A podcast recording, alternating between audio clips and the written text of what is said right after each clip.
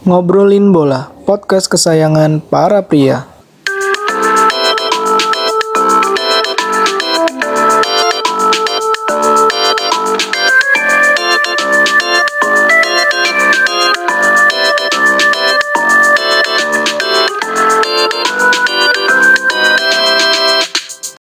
Kembali lagi di podcast Ngobrolin Bola. Kita udah bersama dengan Mas Eldi Fatoni. Bagaimana kabarnya Mas Eldi? Halo Mas Aldi, ya alhamdulillah baiklah.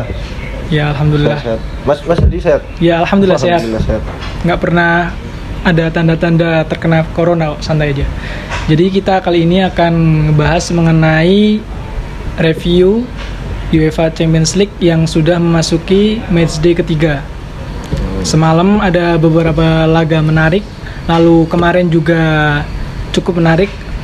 Semalam MU kalah kan lawan Istanbul Basaksehir dengan dengan skor 2-1. 21. Lalu ada juga kemarin Real Madrid yang mengalahkan Inter dengan skor 3-2. Oh tipis ya menang. Iya, iya. Eh, menurut Mas Eldi sejauh ini itu tim-tim kuat bagaimana nih perjalanannya di matchday ketiga ini sejauh ini? Kalau dilihat dari berita sepak bola tadi pagi ini kayaknya tim-tim besar masih masih mulus saja ya perjalanannya. Kecuali MU ya mungkin. kecuali MU. MU tim besar. Oh enggak ya? Oh. Mediocre ya dia? Ya besar sih. Oh besar sih. Besar sih. Kebetulan besar MU besar dan, dan tapi kalah. Iya iya. Sama nasibnya kayak PSG berarti ya. PSG juga kalah kan semalam. Kalah sama Leipzig. Iya memang memang tim tim besar masih masih mulus lah di match day ketiga ini. Masih gokil lah. Kalau perwakilan tim-tim Inggris sendiri sih seperti seperti apa ini Mas Eldi? Tim Inggris eh, ternodai ya karena ada satu tim yang kalah. Ya MU ya. Jadi eh, menurut saya masih tim Liga Inggris masih masih terlalu besar buat tim-tim di Liga Champion ini. Karena Oh, semuanya iya. puncak klasemen ya kebetulan. Meskipun MU kalah tapi tetap puncak klasemen ternyata. Memang gokil tim tim Liga Inggris ini. Untuk Liverpool sendiri nih, bagaimana Mas Eldi sejauh ini di matchday sampai matchday ketiga ini? Mas Eldi kan salah satu Korwil Big Reds Jogja nih. Bagaimana ini? Mantan mantan Korwil. Oh mantan Korwil. Mantan Korwil. Bagaimana nih perjalanan Liverpool sejauh ini, Mas Eldi? Saya cukup bahagia sih ya ngelihat permainan Liverpool apalagi akhirnya kembali ke tracknya bisa menang besar 5-0 ya? 5-0 Lawan di- Atalanta. di kandang Atalanta. Ini tren positif sih. Sebelumnya memang di Liga Champion karena awal-awal Liga Champion itu kan Liverpool main ketemu Ajax setelah kalah 7-2 Iya, dari iya. Aston Villa. Jadi kayak memang masih masih cukup khawatir sih dengan apa yang terjadi di Liverpool di Liga Premier. Akhirnya ternyata di Liga Champions Liverpool bisa banting setir. Dan kemarin puncaknya menang 5-0 ya alhamdulillah lah. Liverpool sudah mulai menemukan ritmenya. Back-back sayap sudah mulai main keren dan juga Diego Jota ini yang jadi Sorotan. sorotan gokil sih Diego Jota ini. Kalau saya baca-baca berita di media massa itu katanya Diego Jota bisa saja mengambil tempatnya Firmino. Bagaimana nih Mas Eldi menyikapi berita ini? Kalau buat saya sih Firmino sama Diego Jota itu dua pemain yang tipikal mainnya beda ya. Mungkin eh, Liverpool bisa memakai Diego Jota apabila memang Liverpool masih belum butuh bermain false nine. False nine. Jadi memang dilihat dari permainan Liverpool semalam itu Diego Jota memang memang menjadi pasangan dari Salah sama Mane tapi posisinya dia bukan sebagai false nine gitu. Beda sama Firmino. Karena permainan Liverpool semalam tuh lebih direct ya. Dari pemain tengah langsung langsung ke depan. depan gitu ya? Bukan kayak permainan biasanya Yang gitu kan crossing crossing ya.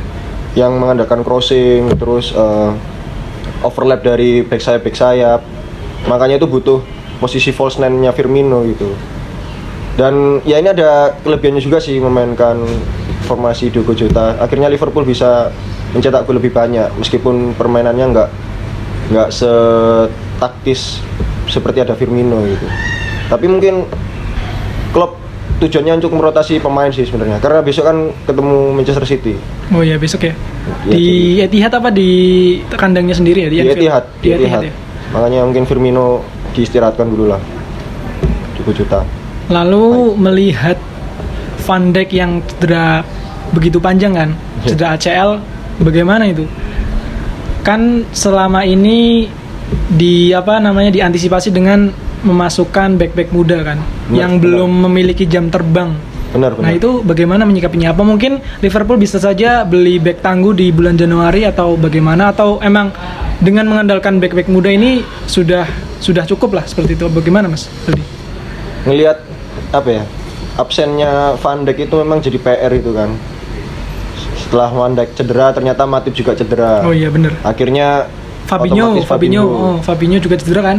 akhirnya Fabinho cedera ini jadi PR juga sih buat Jurgen Klopp pada awal-awal Fabinho cedera akhirnya mau nggak mau Liverpool pakai Rhys William Mm-mm. Rhys William itu back masih 19 tahun dan langsung dijadikan pengganti Van Dijk waktu ngelawan Midtjylland waktu itu Mm.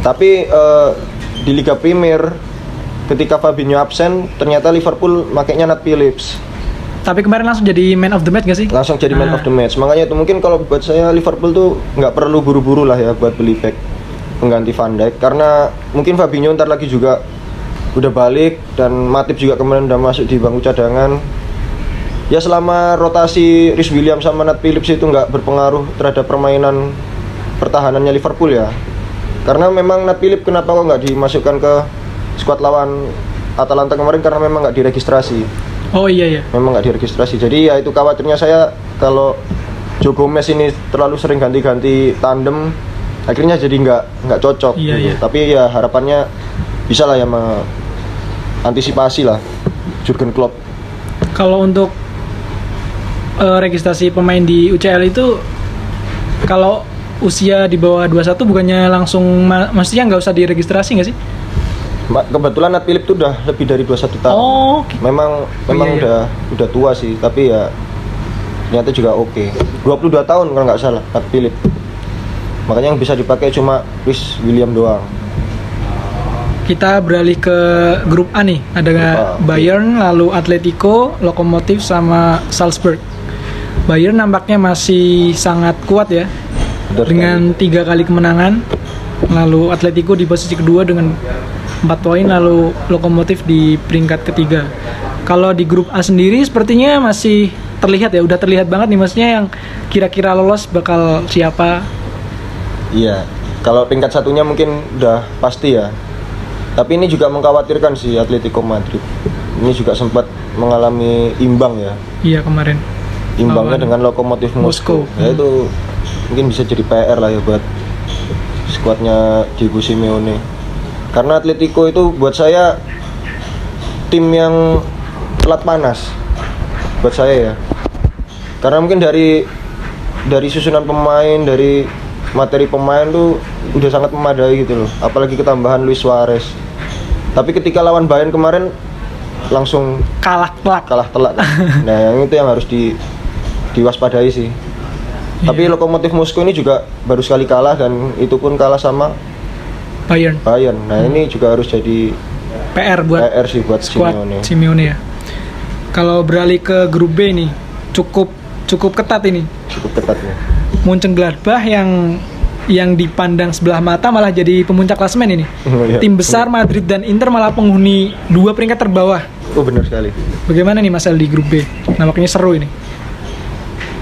Mungkin masuk angin kali ya Real Madrid Milan ini di grup B karena Real Madrid lawan Shakhtar langsung kalah Mungkin Gladbach Imbang, ya? Iya kemarin. Dan kemarin menangnya lawan Inter dan kebetulan menang lawan Inter itu pun karena kesalahan dari Arab Hakimi. Ya mungkin dia masih kasihan ya sama Iya mungkin itulah makanya itu mungkin dua tim ini harus harus cepet-cepet keroan atau gimana biar masuk anginnya cepet hilang. sembuh. Iya. Ini pe- kasihan nih Real Madrid sama Inter. Kebetulan di Liga kan lagi bagus-bagusnya kan mereka. Tapi sama Shakhtar Donetsk Malah kalah. Padahal kemarin Shakhtar Donetsk banyak yang covid dan diisi para pemain muda di Bener. starting eleven-nya. bener. Ternyata ya menang lawan Madrid. Juga kaget gitu loh Keren publik. keren keren. Gokil. Lalu kita beralih ke grup C di mana City juga nampaknya masih terlalu kuat bagi para lawan-lawannya. Menguntit di posisi 2 ada FC Porto, lalu peringkat tiganya ada Olympiakos. Olympiakos sama Marseille, ya Marseille pendatang baru kemarin kemarin belum di UCL dan baru tahun ini di UCL. Nampaknya City dan Porto bakal melenggeng ya ke Ya, benar, saya setuju kalau Manchester City sama Porto karena memang tren dua tim ini di Liga Champions selalu bagus sih di grup. Porto juga ada kemarin sampai 16 besar. Iya, 16 besar. ya. Ya, dua tim inilah memang masih jago di Liga Champions ini. Eh, sebenarnya City agak anomali ya di Champions League berhasil menyapu bersih tiga kemenangan sejauh ini. Namun di Nah. Liga Primer itu masih angin-anginan. Performanya masih belum stabil lah, belum menemukan performa terbaiknya. Bagaimana Mas Benar. Eldi? Kalau City itu sebenarnya kalau City kalah itu atau City trennya lagi nggak positif itu berarti ada yang salah sama squad keharmonisannya mungkin ya. Kalau menurut pandangan saya. Karena sebenarnya tim di Liga Inggris yang bisa main kompetitif itu cuma City sama Liverpool. Liverpool aja. Jadi ketika City memang kalah itu berarti bukan karena ada yang salah dengan tim itu, tapi ada yang salah dengan antar pelatih atau pemainnya, pemainnya gitu. ya? Mungkin loh ya, mungkin karena dilihat-lihat City kemarin kalah di Liga C- Liga Inggris sama Leicester. Mm-mm. Sedangkan mereka main di kandang gitu. Dan ya kalahnya cuma karena teknis ya City kartu merah. Ya hanya dengan kasus-kasus seperti itulah City itu bisa kalah memang. Jadi mungkin di Liga Champion mereka memang memasang target yang lebih tinggi lah daripada di Liga Inggris karena memang belum pernah Juara ya. juara kan. Kita beralih ke grup E. Ada Chelsea yang masih nangkring di puncak klasmen, lalu Sevilla di posisi 2 dengan pos dengan poin yang sama, lalu menyusul ada Krasnodar dan Rennes. Sepertinya ini Chelsea masih Fix fix Chelsea sama Sevilla lah. Iya. Fix. Sebenarnya Chelsea juga maksudnya di liga juga belum terlalu panas lah di liga Iya. sama seperti City kasusnya. Mereka padahal belanja udah sangat banyak beli pemain nyampe ratusan juta pound sterling.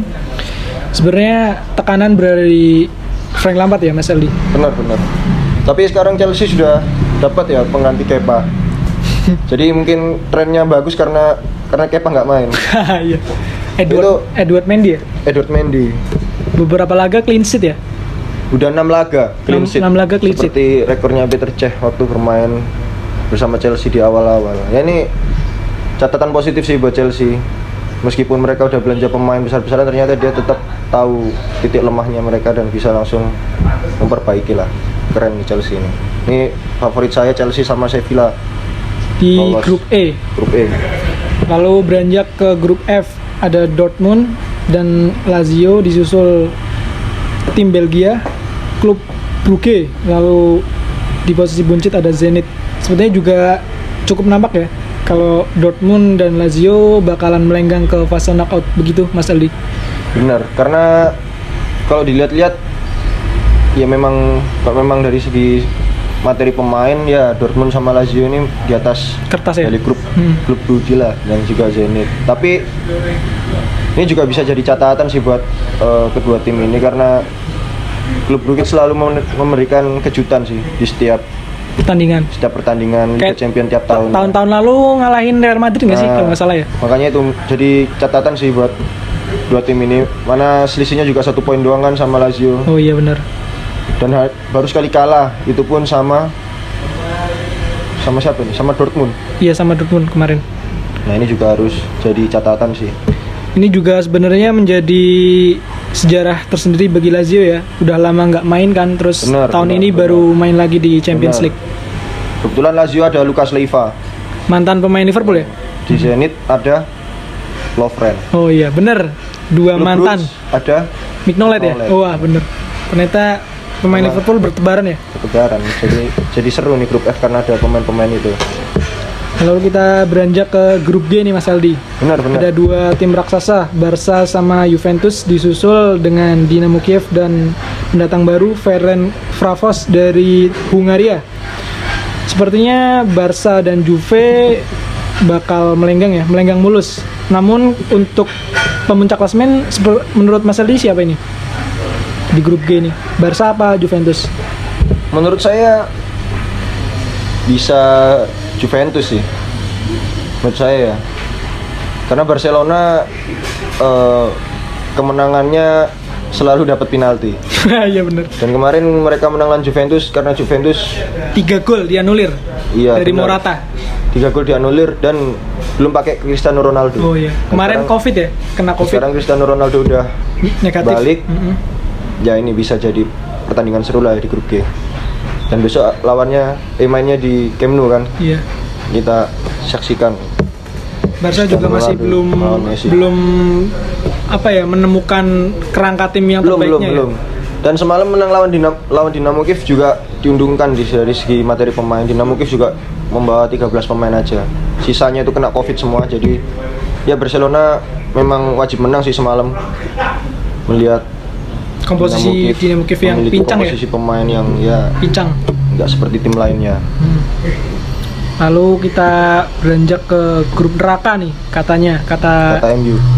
pundit-pundit ada MU yang masih di puncak dengan poin 6 disusul Leipzig poinnya juga sama 6 lalu PSG di peringkat ketiga dan semalam yang mengalahkan MU Istanbul Basaksehir Benar-benar. bagaimana nih Mas di Kalau grup H Kalau menurut saya dari semua grup grup ini ya yang lebih menarik ya.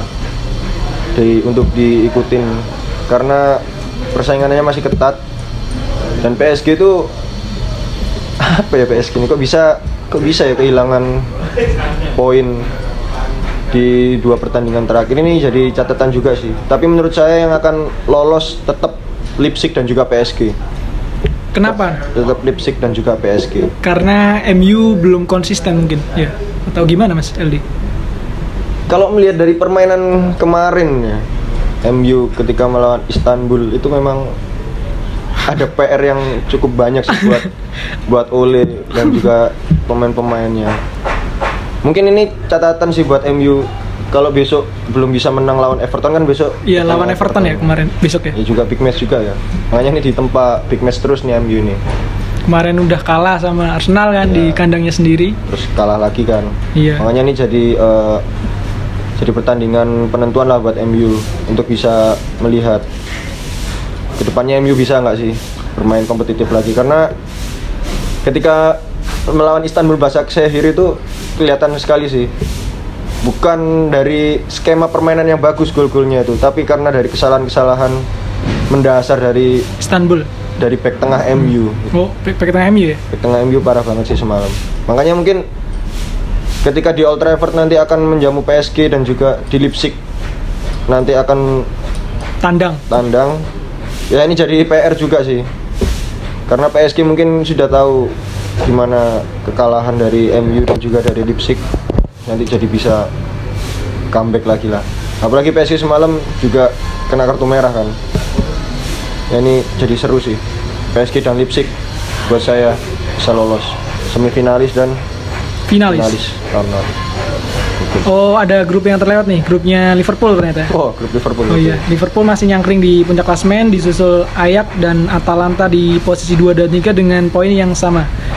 Nampaknya Liverpool ya diuntungkan sangat lolos, lalu mungkin Ajax sama Atalanta masih 50-50 ya. Kalau menurut Mas Aldi sendiri bagaimana ini?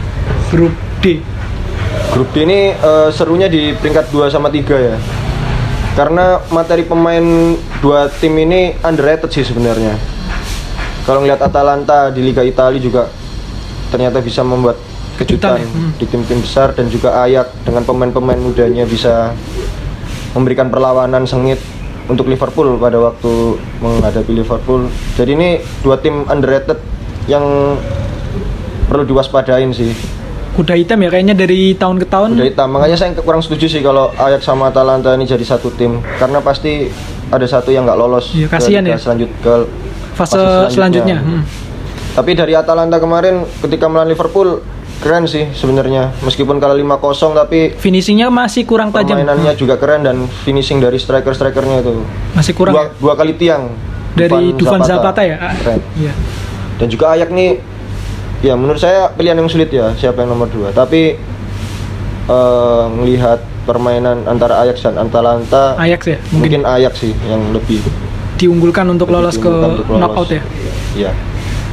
Eh, sedikit menyinggung karena Liverpool next next next match lawan Manchester City seperti apa ini peluangnya untuk bisa meraih tiga poin mengingat ya kalau tandang ke Etihad biasanya agak susah Benar benar benar. Kemarin kalah ya 4-0 Iya. di tahun lalu. tahun lalu Mungkin mungkin Liverpool datang ke Etihad ini dengan rasa percaya diri yang penuh ya ketika sudah berhasil kembali menang besar dan juga kemarin-kemarin meskipun sempat tertinggal sama West Ham dan juga akhirnya bisa membalikkan keadaan mungkin Liverpool akan berangkat ke Manchester City dengan optimisme dengan optimisme kepercayaan diri dan juga eh, keyakinan untuk bisa meraup poin penuh. Sedangkan Manchester City juga tampaknya juga sudah mempersiapkan sih. Kelihatan waktu mereka lawan kemarin ya lawan Olympiakos lawan Olympiakos ketika pemain-pemainnya langsung dirotasi semua hanya menyisakan Sterling. Ya ini mungkin jadi pertandingan yang seru sih. Kick and rush akan kembali terjadi di Liga Etihad. Inggris di Etihad. Stadium Prediksi berapa City Liverpool? Kalau saya megang City sih, soalnya eh, masih belum full tim ya Liverpool. Full tim. Ya, Ya sih. 2-1 lah untuk kemenangan City. mungkin juga eh, mungkin juga akan kesulitan lah Liverpool mungkin imbang sih prediksi saya Satu-satu. prediksi imbang tapi dengan gol satu-satu atau dua sama karena untuk Liverpool sekarang nggak masang target karena target Liverpool sebenarnya itu eh, dapat Liga Champ eh, Liga Inggris emas ya Piala emas ya bisa menyamakan rekor dengan Invisible. invisible-nya Arsenal. Tapi karena ketika mereka mereka kemarin kalah sama Aston Villa ya mungkin jadi lebih luas lah permainan dari Liverpool sekarang karena nggak memasang target yang seperti kemarin. Ya mungkin akan menjadi pertandingan yang menarik sih. Karena dua tim ini kemarin juga habis menang kan di Liga Inggris Iya. sama-sama menang. Untuk susunan pemain sendiri, apakah Jota akan kembali starting lalu back tengahnya Nathan Nathaniel Phillips ya? Iya. Atau bagaimana ini? Formasi tetap 4-3-3 dengan memasang false nine Firmino menurut saya ya. Dan juga back akan kembali ke Nathan Phillips. Dan mungkin yang akan menjadi sorotan tuh justru lini tengah Liverpool. Mungkin akan aji, akan ada eh, perubahan lah ya dari Klopp karena kemarin Klopp selalu memainkan Curtis Jones ketimbang Milner Milner. tapi mungkin ketika lawan City karena butuh pemain yang punya Pengalaman. pengalaman dan juga mental mungkin akan memainkan Milner, Henderson dan juga Wijnaldum. Hmm. Tapi saya berharap Thiago udah bisa kembali sih. Tapi kayaknya belum. Masih cedera apa gimana ya Thiago? Masih tahap pemulihan. Yang sudah comeback tuh Nabi Keita. Oh iya benar-benar. Nabi Keita udah mulai latihan dan udah masuk bangku cadangan kemarin. Ya, menarik lah untuk dilihat. Saya juga melihat permainan City. Meskipun ya ini dua tim yang sama ya. Dari tahun ke tahun perubahan timnya itu nggak terlalu banyak perombakan pemainnya, tapi tetap bisa bermain di level yang sama kayak kemarin gitu. Ini juga jadi pertandingan yang seru sih. Manchester City dan Liverpool. Ya mungkin cukup itu saja ya Mas Aldi. Siap, Terima siap, kasih waktunya sudah bergabung di obrolan bola kali ini. Mungkin next time bisa bergabung lagi ya Mas Aldi. Oh, ya? boleh, boleh, boleh. Ya. Boleh banget. Terima kasih kepada para audiens. Mungkin obrolan kita cukup sampai di sini. See you in the next podcast. Bye.